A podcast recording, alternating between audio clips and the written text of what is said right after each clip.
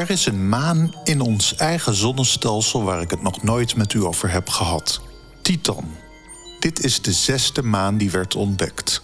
Ga maar na. Die eerste maan, die van onze planeet, die valt bijna niet te missen.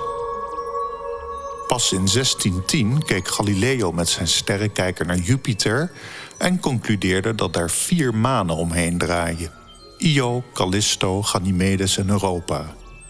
Die namen stammen trouwens uit 1614, toen Johannes Kepler het lollig vond om enkele minnaars van Zeus hiervoor te gebruiken. Helemaal willekeurig is dat niet, want Zeus is gewoon de Griekse naam voor Jupiter. Maar goed, dan staat onze maanteller in 1610 dus al op 5. Nog steeds in de 17e eeuw, in het jaar 1655, werd maan nummer 6 ontdekt door Christiaan Huygens. Titan. Dit is de grootste maan van de geringde planeet Saturnus. Deze zes manen kunt u trouwens met een verrekijker zelf ook allemaal zien. Het is interessant om enkele avonden achter elkaar te kijken. Dan ziet u dat de manen ook daadwerkelijk rondjes draaien ten opzichte van de planeet waar ze bij horen.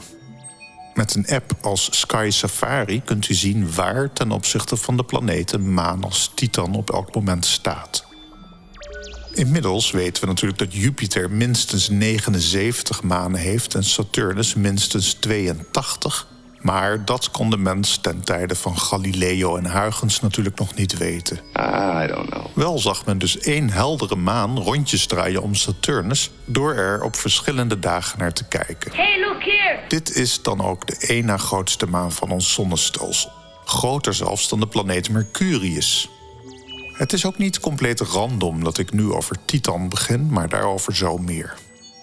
Met een doorsnede van 5149 kilometer is Titan de grootste maan van Saturnus en zoals gezegd net iets groter dan de planeet Mercurius. Titan is een merkwaardig hemellichaam omdat we zeker weten dat het beschikt over een dikke atmosfeer. En het is ook de enige plek in ons zonnestelsel, behalve de aarde, waarvan we zeker weten dat er grote vloeibare oceanen op het oppervlak te vinden zijn. Titan draait in bijna 16 dagen rondjes om de moederplaneet Saturnus. Saturnus zelf is een reusachtige gasplaneet waar de omstandigheden waarschijnlijk te akelig zijn voor het herbergen van leven. Titan zelf daarentegen is een van de beste kansen om buitenaards leven aan te treffen binnen ons zonnestelsel. In de atmosfeer van Titan vinden we met name stikstof. Daarnaast zijn methaan en ethaan aangetroffen. Bizar. Door de dikke atmosfeer kan het op Titan waaien en regenen en vinden we er meren, duinen en rivieren. Ook is er sprake van seizoenen. Het is er wel een stuk kouder dan bij ons op aarde. Eenvoudigweg omdat Saturnus een stuk verder van de zon verwijderd is dan onze planeet. Omdat Titan aanzienlijk kleiner is dan onze aarde, is de zwaartekracht er ook een stuk geringer. De valversnelling op Titan is zo'n 1,35 meter per seconde kwadraat. Dat maakt het ook makkelijker om een ruimteschip weer op te laten stijgen vanaf Titan, want de ontsnappingssnelheid is maar een kwart van die op aarde. Net als onze maan verkeert Titan in een getijdensynchronisatie met de planeet waar ze omheen draait. Tidal locking noemen we dat. En het betekent dat wij op aarde altijd dezelfde zijde van de maan zien. En vanaf Saturnus gezien ziet u ook altijd dezelfde kant van Titan.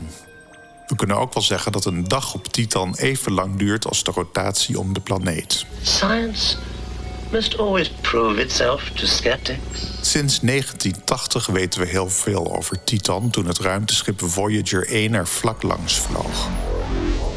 In 1979, toen Pioneer 11 in de buurt van Titan kwam, werd al bekend dat deze enigmatische maan een bijzondere atmosfeer had. Er wordt nu gedacht dat Titan is ontstaan door co-accretie. Dat wil zeggen dat deze planeet zelfstandig is ontstaan op eenzelfde manier en op hetzelfde tijdstip dat andere planeten in ons zonnestelsel ontstonden. In een publicatie uit 2014 van Dykes en Clevin lezen we echter dat de samenstelling van Titan mogelijk nog andere verklaring behoeft. And that mean?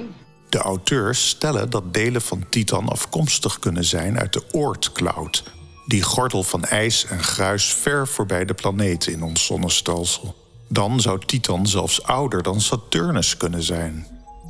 In 2004 leerden we nog veel meer details over Titan toen de Cassini-Huygens-zonde op een hoogte van slechts 1200 kilometer voorbij Titan scheerde. Maar nog veel bijzonderder, de Huygens-lander van dit ruimteschip maakte een zachte landing op het oppervlak van Titan. Op 14 januari 2005 landde er voor het eerst een ruimteschip op een andere maan. Het feest duurde niet lang, want al na 90 minuten gaf de Huygens-zonde de geest. Niettemin bestaan er spectaculaire beelden van de landing en daarna van het oppervlak van Titan. De engineers die de Huygens-zonde hadden ontworpen hoopten trouwens maar op 30 minuten van het oppervlak, dus de missie was een groot succes. Op een hoogte van zo'n 1200 kilometer werd duidelijk dat de Huygens-zonde op het land ging landen. Hier hoort u op de achtergrond de vertaling van de gegevens van de akoestische sensor naar geluid, zodat we horen wat een menselijk oor ongeveer had kunnen horen tijdens die landing in 2005. Zometeen zullen we nog even naar de radargeluiden van de Huygens luisteren. De Huygens-zonde zonk zo'n 12 centimeter in het oppervlak en stuiterde en schommelde een paar keer voordat het ruimteschip stilstond. Wat op de foto's te zien is, is hoogstwaarschijnlijk een mix van waterijsrotsen en rotsen met koolwaterstoffen, maar daar kan weinig met zekerheid over gezegd worden. De thermometer aan boord van de Huygens gaf een waarde van min 179 graden Celsius. De luchtdruk was op dat moment 1468 millibar, wat maar iets hoger is dan op aarde. Op de foto's is ook mist te zien. Alhoewel de foto's er behoorlijk licht uitzien, moet u weten dat deze bewerkt zijn. De zon schijnt op Titan niet erg hard. Door de grotere afstand is de zon ongeveer zo helder als de koplamp van uw auto op 150 meter afstand op aarde.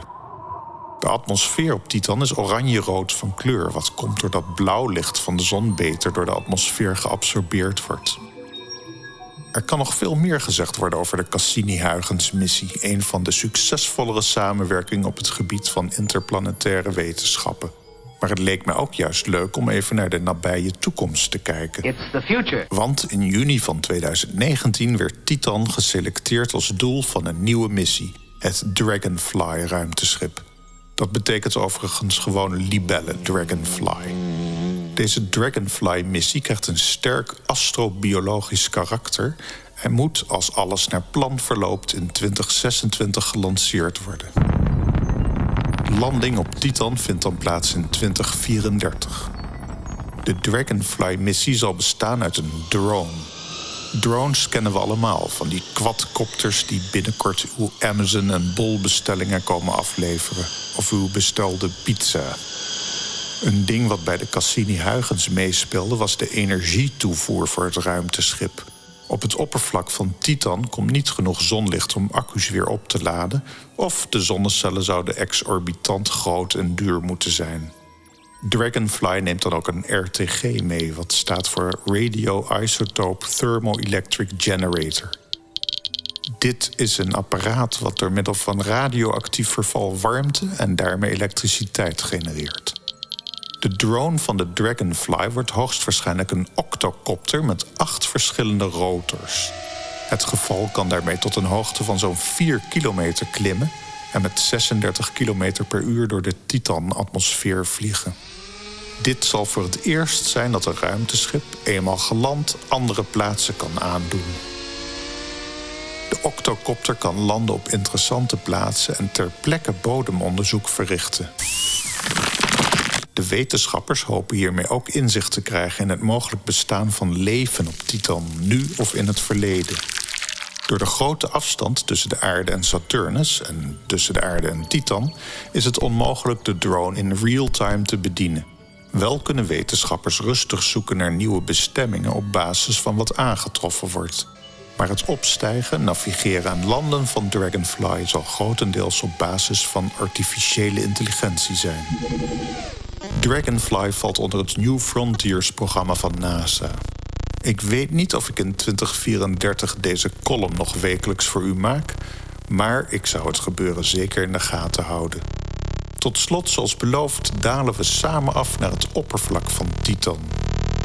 Wat u hoort is het geluid van de landingsradar van die Huygens-zonde uit 2005. Hoe hoger de piepjes en hoe dichter op elkaar, hoe dichter we bij het oppervlak zijn. Hier dalen we dus langzaam af. En we zijn geland. Dit was dus het echte radarsignaal van die Huygens-zonde uit 2005. Krijgt u niet genoeg van radar? Hier is Fons van het gelijknamige televisieprogramma van de Afrotros. Hallo, ik ben Fons. En als je mij aan de telefoon krijgt, dan heb je sowieso spontane diarree-aanval. En stap jij geen reet van de sterren? Mail dan naar hensimmerman.gmail.com. Tot volgende week.